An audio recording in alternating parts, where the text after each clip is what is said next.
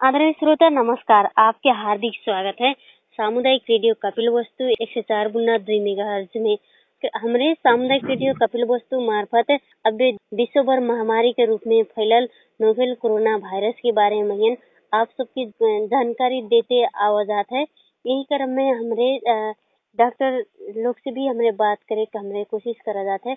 और हमन के साथ में अब हैं लुम्बिनी प्रादेशिक अस्पताल के मेडिसिन विभाग में कार्यरत MD internal physician doctor Prashant Gupta ji हमन के साथ में आज हैं। हमरे बातचीत करा जाए कि नोवेल कोरोना वायरस का हुए लोग अभी भी लोग नहीं मानत है तो वास्तविक रूप में हुए का ई विषय में रह के हमने छलफल करा जाए। डॉक्टर प्रशांत गुप्ता जी, जो उनकी हमन कपिल वस्तु जिला के कृष्णनगर नगर पालिका में ही रहे वाले हैं डॉक्टर प्रशांत गुप्ता जी। डॉक्टर जी आपके स्वागत है सामुदायिक रेडियो कपिल वस्तु में। नमस्कार धन्यवाद। अब कुछ लोग जो विश्व भर कोरोना वायरस जो महामारी के रूप में फैला है वायरस से कुछ लोग व्यवस्था करत हैं। कुछ लोग हमरन के ई नाई लागी हमन के ई नाई हुई कह के भी लोग के बुझाई है। कुछ लोग एक बारे में अभी भी जानकार नहीं है। तो ए, और कुछ लोग का है कि तनाव में भी हैं कि अब हमन के हालत का हुई। कैसे कुछ लोग तनाव में भी हैं। तो एमन सबसे पहले आपके कहब का है। देखो मेन बात का है मान की सबसे ज़रूरी बात है कि कोरोना वायरस के बारे में समझे की ज़रूरत है। बहुत सारा लोग हम लोग के एरिया में कैसा नहीं एक बारे में जानकारी कम हो नाते कुछ लोग बहुत ज़्यादा पैनिक हो जाते हैं और कुछ लोग बिल्कुल बिल्कुल व्यवस्था कर लेते हैं। हाँ। तो हम एक बारे में थोड़ा सा जानकारी देख चाहे थे कि कोरोना वायरस नाम के एक किस्म के वायरस जो चीन के वुहान शहर से एक उत्पत्ति है और ये धीरे धीरे फैलते फैलते पूरे संसार में गए। और संसार के लगभग आज एक सौ पचास और एक सौ सैतालीस देश में एक इफ़ेक्ट है। तो ये चीन सबसे ज़्यादा प्रभावित जो देश है अभी के मान मन चीन Italy Korea America Bharat Pakistan. तो इमहान बात ऐसा है कि ये अभी पैंडेमिक हो। गया पैंडेमिक मतलब संसार भर फैल गए। तो शुरू में एक फैले में लगभग सड़सठ दिन लाग जमान एक लाख लोग संक्रमित हुई है। और आ, आ, और एक लाख लोग जो है ग्यारह दिन के अंदर ही संक्रमित हो गए। मतलब पहला एक लाख सड़सठ दिन में संक्रमित हुए और फिर एक लाख जो है ग्यारह दिन। मतलब देखा जाए अब कितना जल्दी एक संक्रमण हो गया। मतलब पहला जो सड़सठ दिन उसके बाद दो लाख लोग ग्यारह दिन के अंदर संक्रमित हुए तो अल्टीमेटली हम बुझ, बुझावे का चाहिए था आपके श्रोता लोग के कि एक संक्रमण जो है एक से दुई दुई से चार चार से सोलह संक्रमण जो है एक बहुत जल्दी फैल सकत है।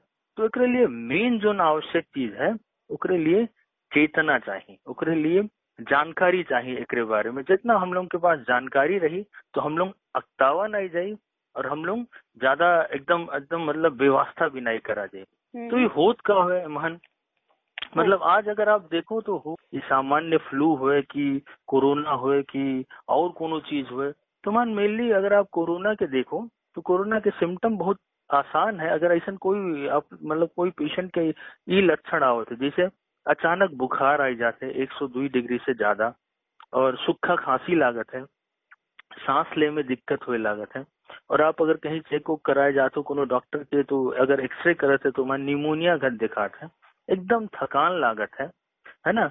और और तो कोई कोई पेशेंट के जैसे आप मतलब रोग से लड़े, क्षमता ज़िक्र में कमी होते है ओकरे में कोई कोई के डायरिया और वॉमिटिंग होते है, और पेट वोट दर्द होते तो ऐसा कोनो लक्षण है तो आप सबसे अच्छा बात यह है कि सबसे पहले तो आप अपने आप का आइसोलेट कह दो। तो आइसोलेट का होता है? आइसोलेट मतलब आप अपने आप का जितना हो सके दूसरे से मेल जोल कम कर दो। मतलब अपने आप के अकेला करो। आइसोलेशन का कहा जाता है कि फैले ना पाओ। ताकि हम पहले आपका बताए दिए कि ये बहुत जल्दी फैलत है एक लाख लोग सड़सठ दिन में और दूसरा एक लाख लोग ग्यारह दिन में फैल गए। मतलब एक से दुई दुई से चार चार से सोलह में बहुत जल्दी फैल सकता है। तो सबसे पहले अगर आपका ऐसा कोनो लक्षण आवत है जो अभी हम बताएँ तो आप अपने आप का आइसोलेट करो। हो सके तो नज़दीक के अस्पताल में जाके जहाँ पे अच्छा कोई डॉक्टर फिजिशियन या विशेषज्ञ कोई डॉक्टर वहाँ है तो उनसे सलाह लो डिस्कस करो।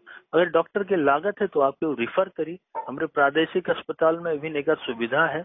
तो आप जो ना, आप लोगों के लोकल अस्पताल में भी एक सुविधा है बेड आइसोलेट करके रखे हैं। तो अगर आप जात हो तो आप उचित परामर्श वहाँ से भी अगर डॉक्टर के लागत है कि मतलब एक फर्दर चेकअप करे चाहिए कोरोना वायरस के चेकअप करे चाहिए तो डॉक्टर भेज दिए। और कंफर्म हो के वह अनुसार के परामर्श लो हम्म। और मेनली मेनली एक बात मतलब कौन कौन कैसन आदमी में ज़्यादा शरत है जैसे आप कोई एस्थमा के पेशेंट है या कोई के मुटु के डिज़ीज़ है मुटु के रोग है या प्रेशर हम्म। की बीमारी है या रोग से लड़े क्षमता कम है कोई कैंसर के पेशेंट है कोई पचास साल से ज़्यादा के पेशेंट है तो ऐसा ऐसा पेशेंट के जो है सर एक संभावना एकदम ज़्यादा होता है हम्म। लेकिन सौभाग्यवश हम लोग में हम लोग के मान का मतलब नेपाल में अभी तक सिर्फ़ एक केस पावा गया है जो भी डिटेक्ट हुई गए वो डिटेक्ट हुई गए काठमांडू में अभी टेको अस्पताल में आइसोलेट हुई गए तो ये हुए टोटल मतलब कोरोना के बारे में। हम्म। डॉक्टर जी जो ने कहा गए कि मने एहमराई के जो जो एक लक्षण जैसे कहा गए कि एहमराई के हुई। तो जैसे पेट झरे वाला अथवा उल्टी हुए वाला खांसी लगे वाला ये कुल ही आपके दाई हुई अथवा इतना मही से कोनो भी एक ठुर हुई एक चरण है देखो चरण में कैसा है कि अगर शुरू शुरू में तो आप मतलब कोई भी डिटेक्ट नहीं कर पाई कि हम्म। कोरोना हुए कि सामान्य फ्लू जो सामान्य रूगा खोकी अभी चला था मौसम परिवर्तन के नाते हम्म। तो शुरू शुरू में पहला चरण में क्या हुई हल्का बुखार आई थोड़ा सा गले में दर्द रही हम्म। और थोड़ा सा थकावट लगी। हो सके तो खाना ना खाए की इच्छा हो थोड़ा सा शरीर में दर्द हुई। तो सामान्य लक्षण शुरू शुरू में मतलब पहले एक दिन से तीसरे दिन तक किलत चलाई और दूसरे चौथे दिन से छठवें दिन तक का हुई दर्द गले के दर्द बढ़त जाये आदमी ज़्यादा खांसी लगी। सांस ले में कोई कोई के दिक्कत हुई लगी। तो अगर यह स्टेज तक जाता मतलब चौथे से छठवें दिन तक अगर जाता है तो सबसे पहला काम तो आइसोलेट करे। जितना हो सके जनसंपर्क कम करे। अपने हम्म। आप का अब घर ही में सीमित रखें और नज़दीक के जितना जल्दी हो सके नज़दीक के स्वास्थ्य चौकी या अस्पताल या कोनो विशेषज्ञ डॉक्टर के सलाह ले अच्छा इस ईमान हम एक बात और थपे का चाहिए अगर हाँ, कोई हाँ। आदमी आपके गाँव में या शहर में कोई बाहर से आवा है जैसे कोई कतार से आवा है दुबई से आवा है या हाँ। इंडिया से आवा है और ऐसा आदमी के आवे के बाद एकाएक मन दो चार दिन के अंदर में अगर खांसी आवे लाग या बुखार आवे लाग तो ऐसा आदमी के हम जोड़ का देख चाहते हैं इसी टाइप के पेशेंट जो है ज़रूर जाए कि एक बार डॉक्टर से सलाह ले कि ऐसा ऐसा हम के आए हैं और एक लिया और क्या करे? पड़े तो डॉक्टर संबंधित डॉक्टर जो है उचित परामर्श दी।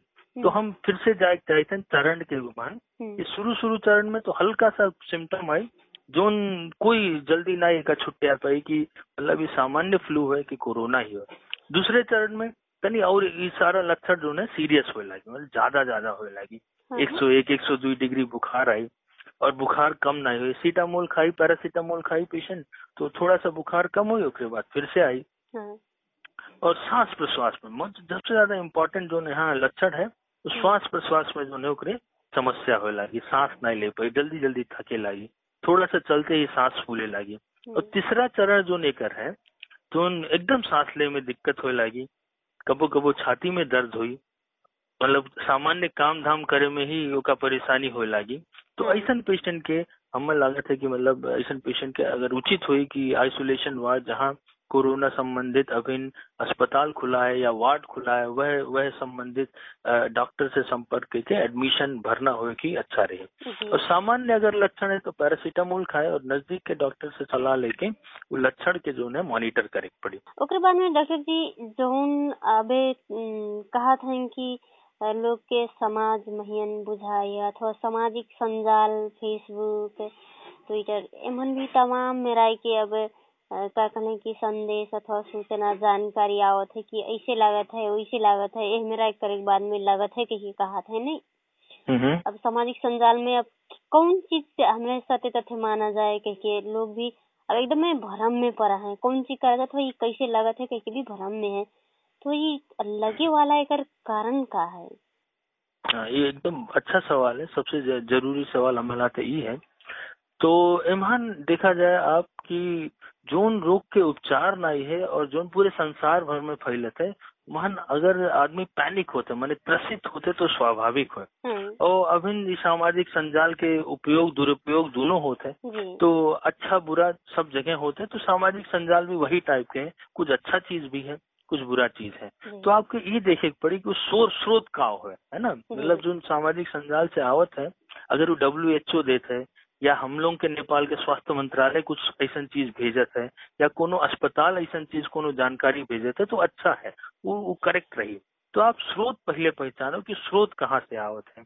दूसरा चीज़ आप पूछो कि ये कैसे फैलत है या कैसे होता है तो मेनली हम आपका अगर दुई दुई वर्ड में बताई तो एक एक, एक अंग्रेज़ी के शब्द है ड्रॉपलेट इन्फेक्शन तो ड्रॉपलेट इन्फेक्शन का हुआ जैसे ये हवा में तो नाई है है ना? मान लो हवा में भी है तो ये पेशेंट या कोनो आदमी के नाई सरी। हवा में अगर रही भी कोरोना वायरस तो पेशेंट डायरेक्ट आदमी के सर नहीं सकत एक रिले ड्रॉपलेट इन्फेक्शन होते हैं। ड्रॉपलेट इन्फेक्शन मतलब अगर कोई पेशेंट एक मीटर के कम दूरी में अगर खांस देता है और आप ओकरे संपर्क में आएगी डायरेक्ट संपर्क में आएगी तो जब आप खांसत हो तो छोटा छोटा बुलबुला टाइप के ये हम लोग के सिगान या थ्रोट जोन जोन अ, घाटी के जोन अ, स्वाब होते हैं वो हाँ, हाँ। छोटा छोटा ड्रॉपलेट टाइप के निकला था मतलब छोटा छोटा पानी के फूका घट निकला था अगर आप ओकरे डायरेक्ट कांटेक्ट में आई हो तब हाँ। अच्छा एक एंट्री कहाँ से होते शरीर में घुसत कैसे है ये? हम्म, अंदर प्रवेश कैसे करत है? तो ये नाक से मुँह से और आँख से। ये तीन जन है तीन तीन तरीका से शरीर में प्रवेश कर करते हैं। तो अगर कोनो आदमी एक मीटर के एरिया में छींक देते हैं या खांस देते हैं और आप उसके डायरेक्ट संपर्क में आ जाए तो वो आदमी जो है कोरोना संक्रमित है तो आपके भी वो इन्फेक्शन हुए चांसेस है।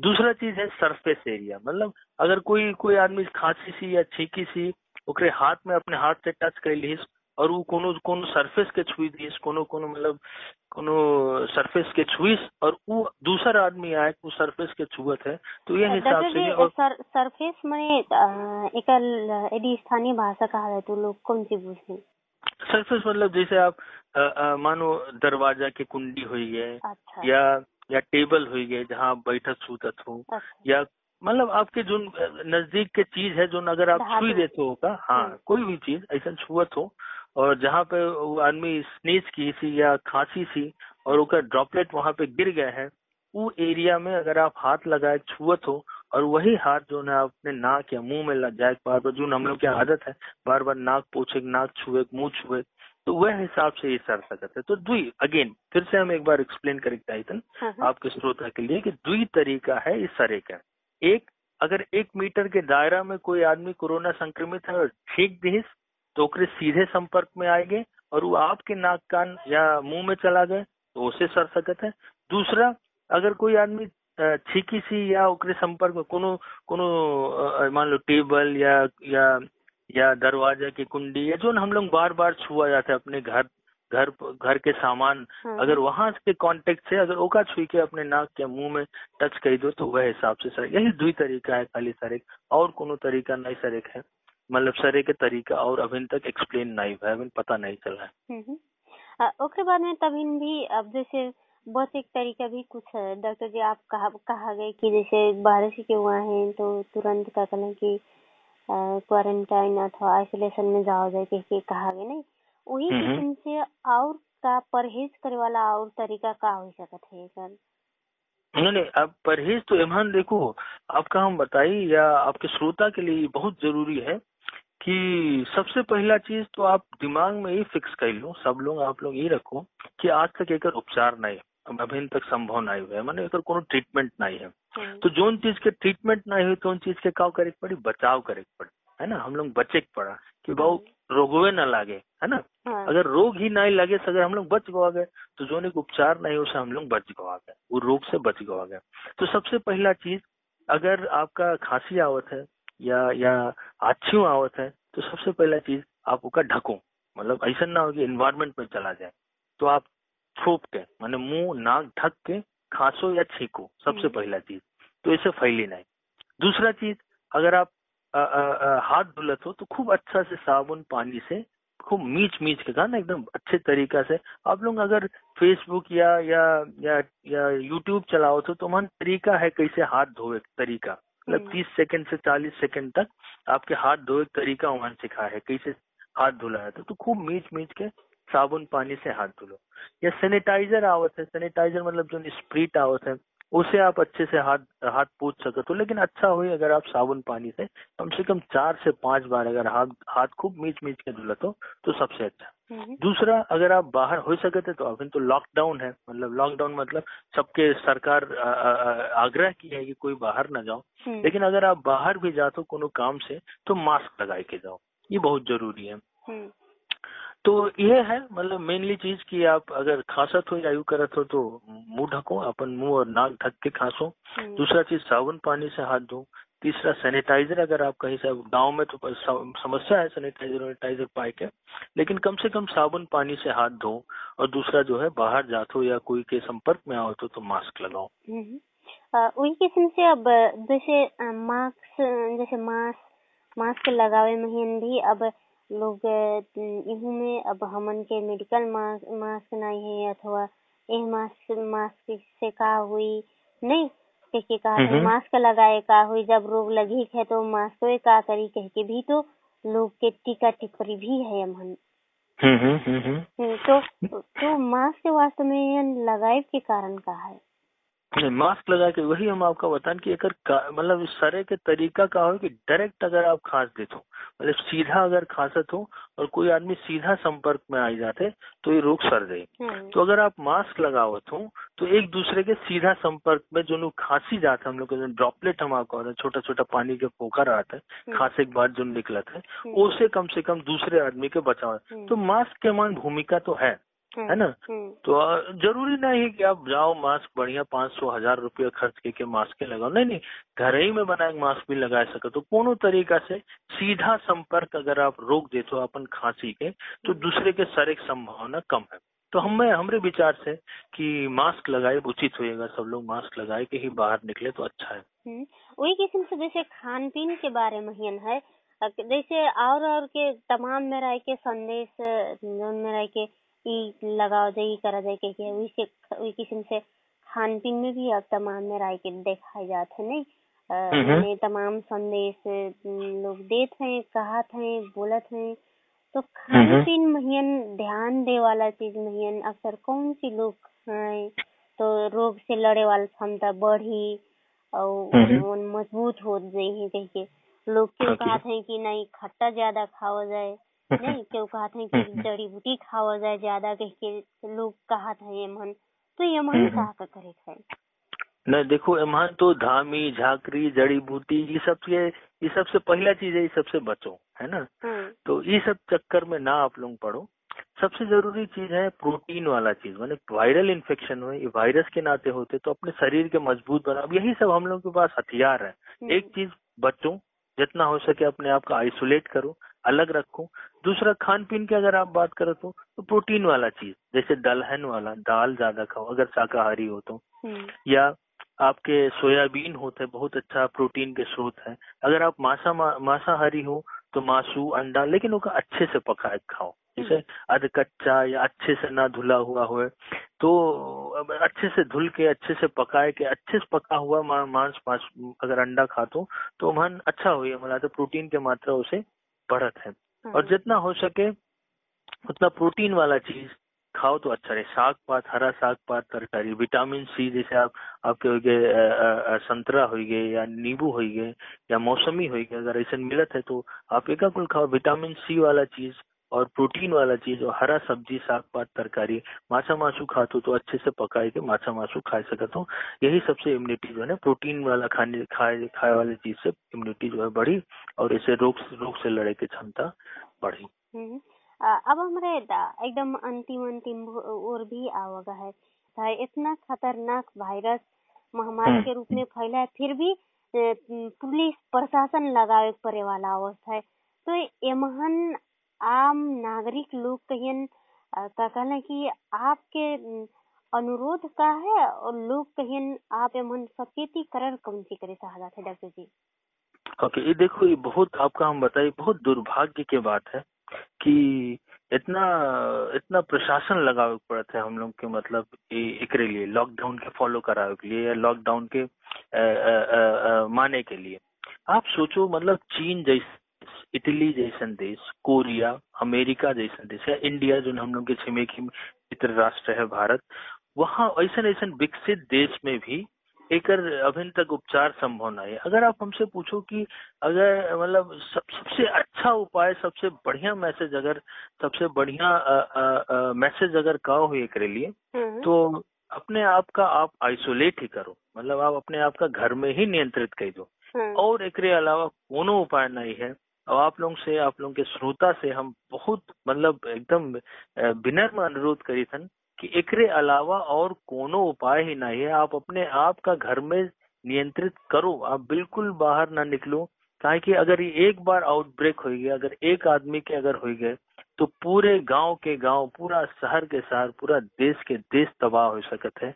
आप एक लिए बिल्कुल अपने आप का संयमित करो। एक लिए प्रशासन लगाओ कि प्रशासन ये, ये हम लोग के लिए ना हम लोग अपने सोचे चाहिए कि जब इतना देश लोग इतना मतलब विकसित मुल्क लोग जब अपने देशवासी लोग इनके सबके कहा था कि आह्वान करते हैं घर के अंदर रहो तो हम लोग के देश तो अभी विकासोन्मुख देश है जहाँ अभी पूरा सुविधा नहीं है। एक अलावा और कोनो उपाय ही नहीं है। अगर आप अपने आप का घर में नियंत्रित नहीं करबो एकरे अलावा और कोनो उपाय नहीं। आप अपने आप का घर में बिल्कुल नियंत्रित करो, बिल्कुल बाहर ना निकलो जब तक एकदम आवश्यकता ना हो। ये हमारा बहुत बहुत विनम्र अनुरोध है, ताकि हम लोग जितना एक बारे में पढ़ें, जाने, या हम लोग को जितना ट्रेनिंग दिया गया तो सबसे ज़रूरी बात अगर हम मतलब आप लोगों का बताई तो अपने आप का घर में नियंत्रित करो, बिल्कुल बाहर ना निकलो। कहे कि एक उपचार ना ही अगर एक लोग के लगा तो पूरा पूरा गाँव नष्ट हो जाएगी। आपके का कहने की हमारिन के बाल बच्चा हमारिन के माई बिल्कुल बिल्कुल हमारी हाँ। तो जाओ दे उमहन सब लोग सब लोग के आफत हुई जाये मतलब एक लोग के मतलब एक लोग के लापरवाही के नाते अगर कोई संक्रमित है और वो सबसे जाए मिल ले तो जितना लोग से वो मिला वो सब लोग इफेक्टेड हो जाएँगे परिवार के परिवार तहस नहस हो जाए तो ये मतलब त्रास दे खातिर हम ऐसा नहीं कहते जितना हम मतलब पढ़े या हम लोग के हम्म। जानकारी है उतना आप जो है अपने आप का घर में एकदम एकदम नियंत्रित करो बिल्कुल बाहर ना निकलो। जितना दिन आप लोग से सरकार कहते हैं कि देखो आप अगर हम अच्छे से समझाई दिए आपका तो चेन रिएक्शन हुए हाँ। मतलब ये वायरस के हम लोग कट डाउन करा जाता है मतलब एक, एक रोका जाते हैं। तो उसके लिए रोके तरीका क्या हो कि आप आइसोलेट करो सब आदमी के घर के अंदर रख दो। तो ये फैले नहीं पाई। अगर फैले नहीं पाई आउटब्रेक नहीं हुआ तो ये वायरस अपने आप धीरे धीरे नष्ट हो जाएगी। अगर ये नहीं नष्ट हुआ तो पूरा मानव जाति के तबाह कर अब हमने एकदम अंत में डॉक्टर जी अब अंतिम में इसी के विषय में कोनो कहने की कही करे वाला अथवा देही वाला संदेश अथवा आपके अनुरोध है? ओके okay, ईमान संदेश फिर से हम एक बार कहे थे कि कोई भी आप लोग बाहर ना निकलो सबसे पहला चीज़ अपने आप का जितना हो सके उतना रोको।